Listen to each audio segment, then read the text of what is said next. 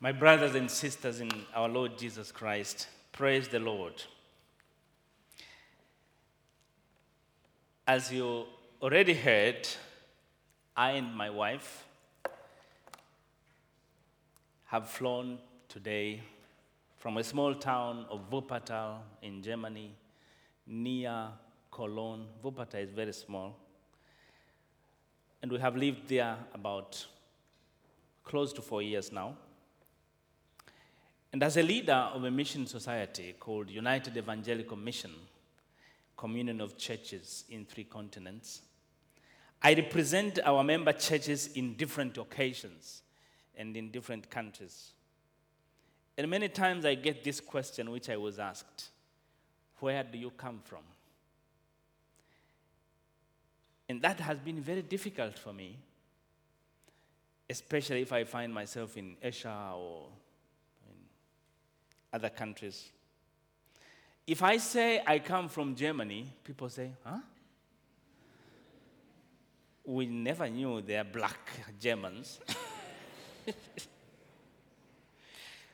and if I say I come from Tanzania, they say, oh, didn't we really invite somebody from Germany? So, how come we get somebody from Tanzania? Uh, oh, is he trying to trick us? But I cannot win that, so I have decided to leave people confused as they are.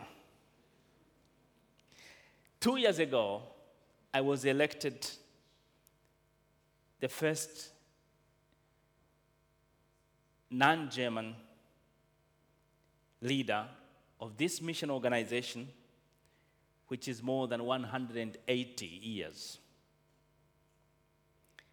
And then I was invited to one of the annual general meetings or the synod of one of the churches uh, because we have about six member churches in Germany for this mission. Simply to introduce myself, they want to know this new person, very strange. And as I stood here, I stood there. I could see some questions in the faces of some people as I struggled to present my, myself in my very, very bad German. And then, recently, the leader of that church met me and reminded me of that meeting two years ago.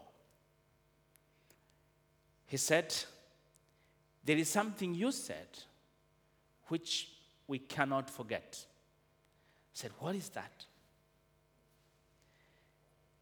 He said that, I said, I am standing here as a testimony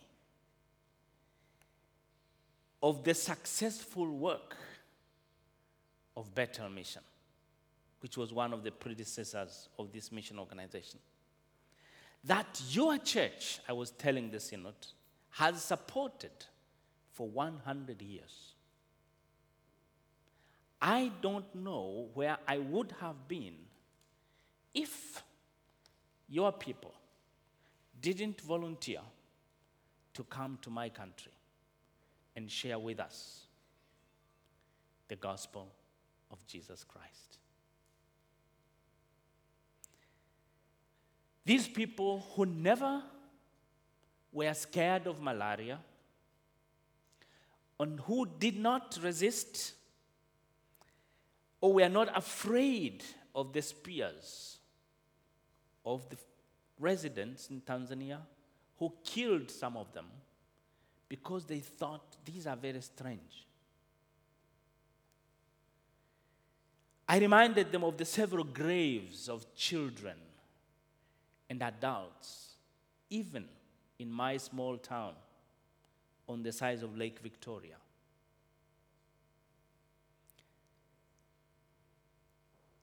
And now I'm here as a Christian who, by grace, accepted by God and preaching Christ to the German people, who, most of them, no longer even care to think about God at all.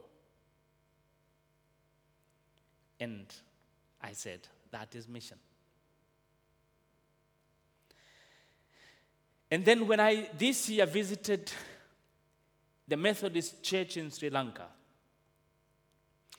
in a place where there is a lot of war and the place is totally militarized in the eastern part, which was under the Tamil Tigers, now have been liberated but basically militarized. In a small town of Batticaloa, in the middle of the town, there is a big statue, polished brass, of one British Methodist missionary, William Ault, who came more than a century ago to that place as the first person to bring the good news of Jesus Christ. And I was told that during the journey to Sri Lanka, which during those years took months in a ship around Cape Town and going all the way, when they were still on the way, his wife died. And I'm sure she didn't even get a funeral. They just had to toss the body in the sea. But this man went on to Sri Lanka and started to work there without his wife, just uh, alone. He worked to establish schools and started education and so hard, but even though He's still today remembered as a pioneer of education in that area and all of Sri Lanka. His work ended only eight months later because he also died of unknown causes. But the information got back home to Britain. What is amazing is that there were people there in Britain who felt called by God, and they went to the same place where the wife had died on the way, and the man stayed only eight months. But there were some people who felt God is calling them. They went there and continued the work he had started. It's the same in Indonesia, it's the same in Tanzania, it's the same everywhere. So I was asking myself, when I hear these stories, for heaven's sake, what were these people thinking? Where did they get the courage? That's where we read. I want to read with you from the book of Acts, chapter 1, which I know you know, verses 8 and 9. Acts of the Apostles, chapter 1, verses 8 and 9. Jesus, before he went to heaven, he left his command to his disciples. But you will receive power when the Holy Spirit has come upon you, and you will be my witnesses in Jerusalem, in Judea, and all Samaria, and to the ends of the earth. When he had said this, as they were watching, he was lifted up, and a cloud took him out of their sight. First, the disciples had been shocked by the events of the crucifixion, of the death, and of course, eventual resurrection of the man they had hoped could be their political liberator, spiritual savior of Israel. And as he was really being put to shame, naked on the cross, tortured, spat on, and every kind of torture, their hope and their strength vanished. Peter went back, tried to go back to fish. Others were simply too puzzled to do anything, while others, like Thomas, they just had to take a stroll out of town. What a loss. After investing three years, three full years, following a teacher, and all of a sudden he ends up on the cross, dead, in the grave. You left your job, you left your parents, you left your town, you were following someone, and now he's put to death. And then he rises up and he says, I'm risen, I'm, uh, it's me again, and he's doing all kinds of very strange things, just popping up in a room closed. I mean, then, then, then vanishing without opening the doors. And then he says, I'm your Lord. It's very confusing. And Jesus seeing this, you know, sometimes I have thought, when my young brother died, said, What if I go to the house again and find him sitting on the chair? What would you do? Embrace him?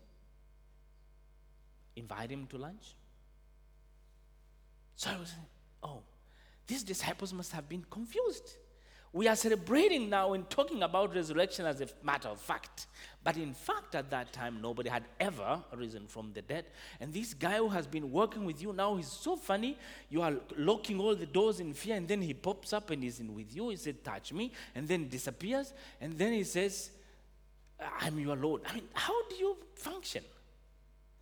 That is why he said, I know. What I'm going to tell you, even today, you cannot understand but you will receive power when the Holy Spirit has come upon you. And they had to wait until they received that power. And that is the power which sends people to mission. It is this power of the Holy Spirit which enables mission. And that power after Pentecost, when the Holy Spirit was poured on the world, all, all believers as promised, transformed these fearful disciples to unbelievably strong witnesses to the resurrection. Their fear, the feeling of shame, somebody to be associated with somebody who died on the cross, it's a shameful thing. Somebody who's a convict. Their ignorance all vanished because they had received the power. And it is that same spirit, my brothers and sisters, that came upon millions people of people over centuries who went on bearing this witness to Jesus Christ. To those people who came even to my place, that I can be now standing here before you as a Christian. It is the same Holy Spirit who came upon the Norwegians and sent them, many of them, as missionaries to many parts of the world, where many of them died without a trace. Many didn't come back. And even today, there are still some accepting the same call and the same sending to go in every place. That is the same spirit who came to my place on the shores of Lake Victoria upon four men who were illiterate on their trip, a trading trip to Uganda. They heard about Jesus. They were convinced and believed. They came without a permission of anybody and started to teach, to preach to their neighbors, and found a church before any outside missionary came there. And there are so many stories like that around the world where you see this must have been God's way. You can't explain it otherwise. And it's the same Holy Spirit who came to this very recently to the Korean Christians you heard about, who many people think they were stupid to go to Afghanistan with Bibles in the time of war and to say, We want to tell you about Jesus Christ, knowing for sure that they might even be killed. Where do they get all this crazy idea of not thinking about their safety, their families, their, uh, their future, their finances, their jobs? Where do they get this? But that's the first part. Jesus says, You will receive power.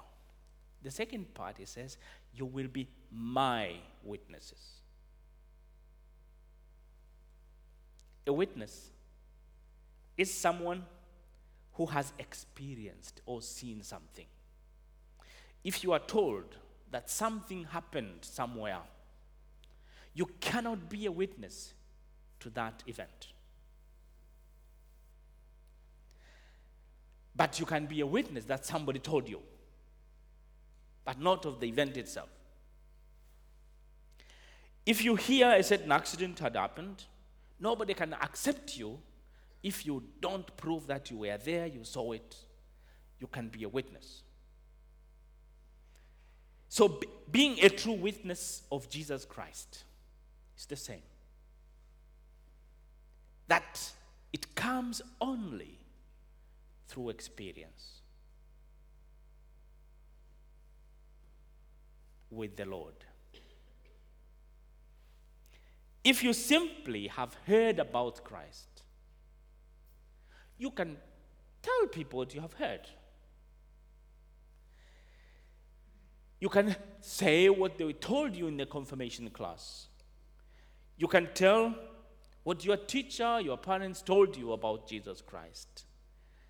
But you cannot be a true witness of Jesus without experiencing this Jesus Christ.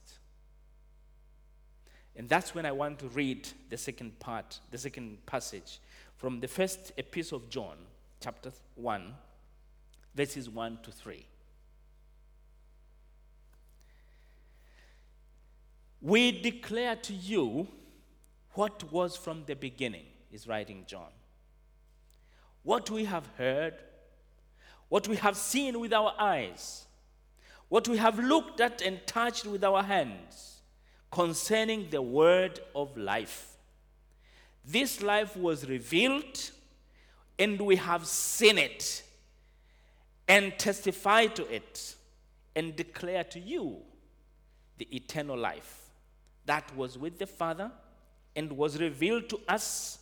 We declare to you that we have seen and heard. We declare to you what we have seen and heard, so that you may also have fellowship with us. And truly, our fellowship is with the Father and with the Son, with his Son, Jesus Christ.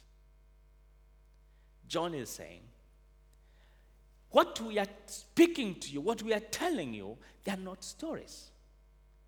This is what we have seen, what we have heard, what we have touched, what we know. And the people who offer themselves for mission and accept God's call to it are those who know Christ. They have heard about him before, that is clear, but they must have experienced Christ. They cannot shut up for anything. Not by tribulation, not by shame, not by popular opinion. They will keep going because they know it. We live a time, my brothers and sisters, where we hear, when we hear a lot of, eh, all kinds of things about how people want us to shut up. I don't know in Norway, but in some places in the world, or many places, we have experienced, we experience the reality of religious pluralism. It is a reality, absolutely. And voices are many that there is no point telling people about Jesus since everyone has his or her faith. And all religions are the same. So don't bother people. Even those who do not have faith, they should be left alone, we are told. Young people on the other side say, well, just be happy. God is love, no matter what. Don't worry. Why? Why do you want to care about even God? Why? It's not trendy. What is God for? Why do you need God? It's not fashionable to be religious. Even some churches today happen to, to have a leader who no longer believes in Christ. and has some ideas which we look at and hear, and we are so puzzled where these ideas are coming from. But they are church leaders. Of course, they have not experienced the Lord. They have studied theology. They are intelligent. They are skillful politicians. They know how to get votes. So they can end up being really church leaders. That would not make them to be true witnesses of Jesus Christ. Now, if we hear all these voices, don't say, don't speak, this is not trendy, this is not right, everything goes, don't worry if you are this and this, that's fine, God doesn't care, this is just your opinion, this is, if there are so many other opinions in the world, why do you want to tell other people about your own opinions? These are just ideas, these are myths, these are traditions, and each one has his or her own, and they're all valid. So shut up. We do not shut up because we know we have experienced this Lord. I remember in 1982, uh, after I finished, I finished my high school and went to military service, I had the call into full time ministry as a pastor in my church. I didn't like it. I wanted to be free to preach in every denomination and doing my job, which pays better. I was one of the lucky ones to get good education early. Then I can just be a lay preacher.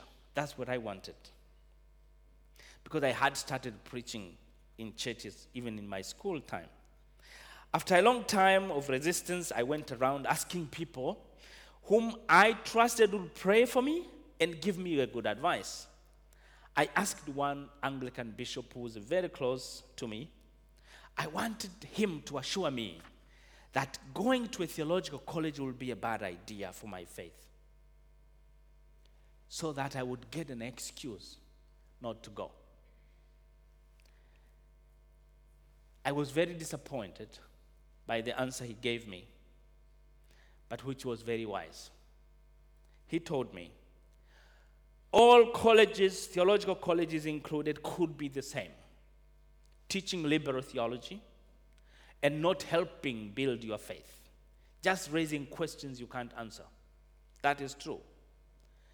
But I remind you of that blind man in the book of John, chapter 9. This man was born blind and met Jesus. Jesus healed him. And after he, he was healed, all the stigma which he had because he was supposed to have been born blind because he was a sinner and his parents were sinners, so he's just doomed.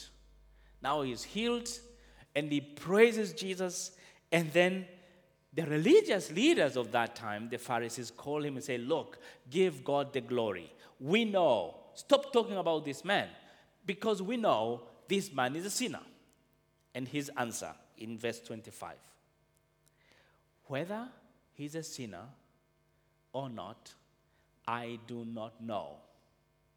But I know one thing I was blind, and now I see.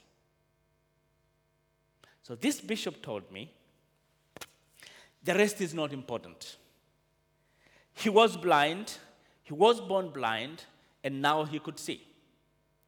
Whatever these people, the Pharisees, their theology, their theories meant, nothing could change that reality that he was blind and now he could see. So he told me, something has happened in your life. Like this man, he was new. He had been healed by Jesus. Whether you hate Jesus or you like him, he has healed this man. So he said, Don't you have a, a testimony? Haven't you seen what Jesus has done to you? If you have, why do you think any professor, any theology, any ideology could convince you to change if it is a reality. Then I recalled my life that I was born in a family of Lutheran unbelievers. They were baptized Lutherans who never went to church. We never had a Bible in our house. We never prayed even once in my family. We never even sang a hymn. I started to learn about Christ by going to school, a mission school, not in my family. They loved the photos we got from the church. We could hang them our, on our walls. But Jesus, the Lord wanted to, to teach me slowly from very early age through this mission school, through Sunday school, just slowly bringing me closer to Him. I went through confirmation class very easily because you need just an intellectual capacity. If you are good in school, you will pass. Just memorize some verses and what Luther said, and then you pass. I did. But my faith was still double. That I had some knowledge from what my evangelist and pastor told me about Jesus, but I was not sure which I believed more whether this Jesus or what I saw my parents practice in how they talk about the spirits, how they give sacrifices to, I mean, they pray to the, to the ancestors, which I, I lived with. And I had both. And I wasn't sure which one I wanted to stop. So I went to church, I sang in a choir. I was not terribly bad morally, but still, I did not know that Jesus was a significant part of my life. When I was 15, I moved out of my home to a boarding school far away. There I came to contact with some of these older students who told me about this Jesus they have met and what he meant to them. At that time, the Lord was working on me, trying to show me how much I was a sinner who really needed God's grace and forgiveness. Regardless of how I conducted my life, I could never do enough to satisfy God. Never. That I did not need to do any more to continue struggling to do more, but what I needed was to surrender to the saving power of the Lord Jesus Christ. And one day, with the help of my friend, I really did experience a particular and peculiar sense of discovery that I discovered how much I was in need of God. And I discovered how much so far I had put a God somewhere in my life, but somewhere in a corner, not like my God, but like a spare tire, which you need when you get a flat tire. If your car is running well, if the all wheels are okay, who thinks about a spare wheel? Definitely don't. But the moment you know you have a flat tire, that's when you start thinking, oh, where's my spare wheel? This is how I took God. I was ready to think about God when I was in trouble. I would pray when I was in trouble. I would go to church when I was in trouble. But when I could when everything was going okay, God was not part of my life, was not in the picture. Of course, I never doubted the existence of God. Never. But He was somewhere. Whenever I need Him, sometime maybe I can call on God. And on that day, I asked the Lord to accept my weakness, to forgive my sins, and to lead me from that time on. I know by the time I was being asked how that experience changed my life. My orientation totally changed. My priorities changed. God was the yardstick of my life.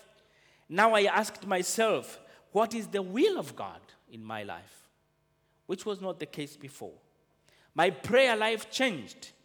I started to, I started to enjoy reading the Bible and actually hearing God speak through me, through the Bible to me.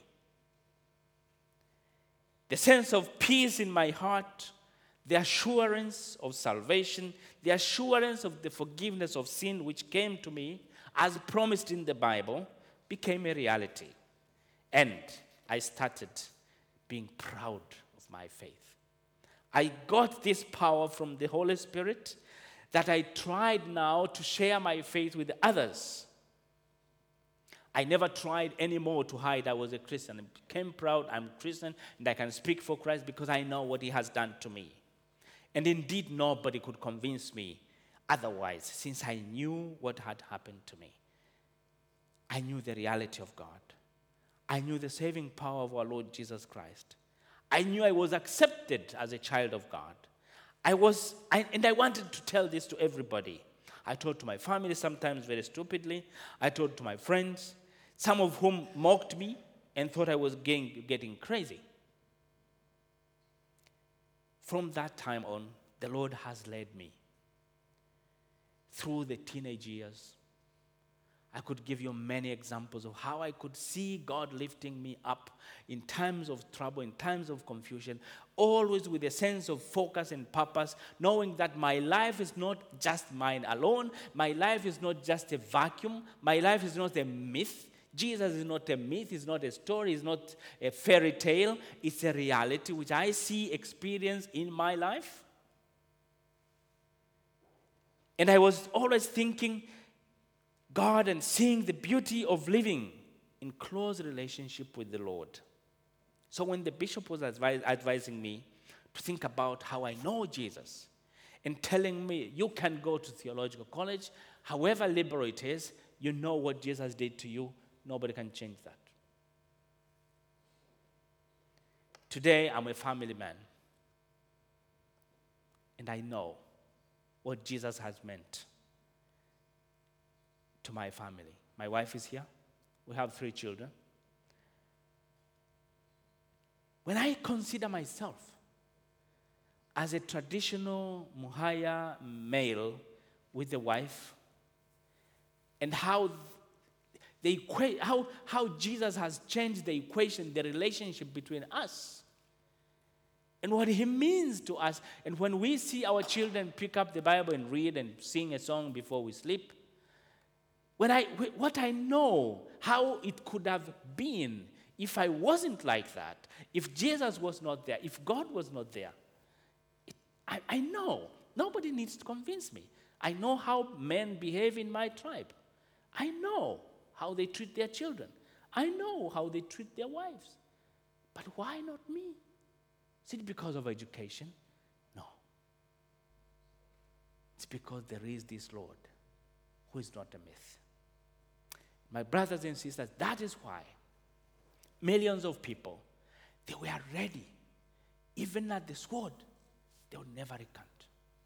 That's why they would know somebody was sent yesterday, maybe from this house, prayed for, sent to somewhere in Latin America or wherever, and they die. The next day, you get the information. Some other people say, I will go.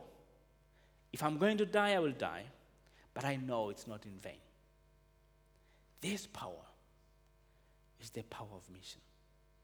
We need to be witnesses. And we can never be witnesses if we don't really, if we are not convicted in ourselves, in our hearts, we know we are not talking about myths. We know we are not talking about stories we read in the, in the books. We know we are talking, we are witnesses of the Lord Jesus Christ. We have experienced, we have touched, we have seen who has touched our lives, who has, com- who has changed our lives, who has Im- uh, filled our lives. We know this and we, are, we don't regret even for one moment. We're just grateful. And because of this joy, we are ready to accept the leadership of the Holy Spirit and be sent to be witnesses. Let us pray.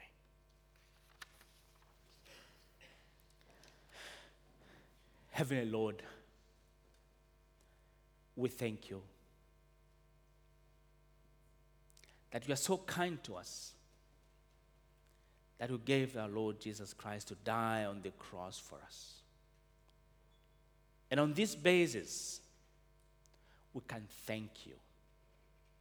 We have seen you lead our lives. We have seen you give meaning to us. And you have, we, ha, you ha, we have seen you give us joy and fulfillment. We ask you to give us the grace of being your witnesses. Sometimes we are afraid, sometimes we don't feel strong enough, sometimes we don't feel this power, sometimes we are in doubt. But Lord, don't leave us.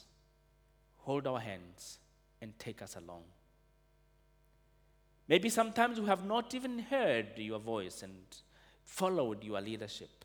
When you sent us to say something to somebody, maybe sometimes we have been afraid. Lord, forgive us. But please don't leave us because we want to be your witnesses until when you come again. We pray for this mission. We pray for the people in this city, in this country, whom you have called and given this burden of working for you, just accepting to be sent by you, or supporting those who are sent, so that the good news will be proclaimed. Especially at this time when we hear theories and people want us to believe that you are also a theory, you are also a myth. Lord, protect us so that we don't believe it because we have seen you, we have heard you, we know you. Give us courage in the times of fear. Give us peace the times of turbulences so that we can continue being your witnesses each one in his or her way as you are calling us. In the name of Jesus Christ our Lord.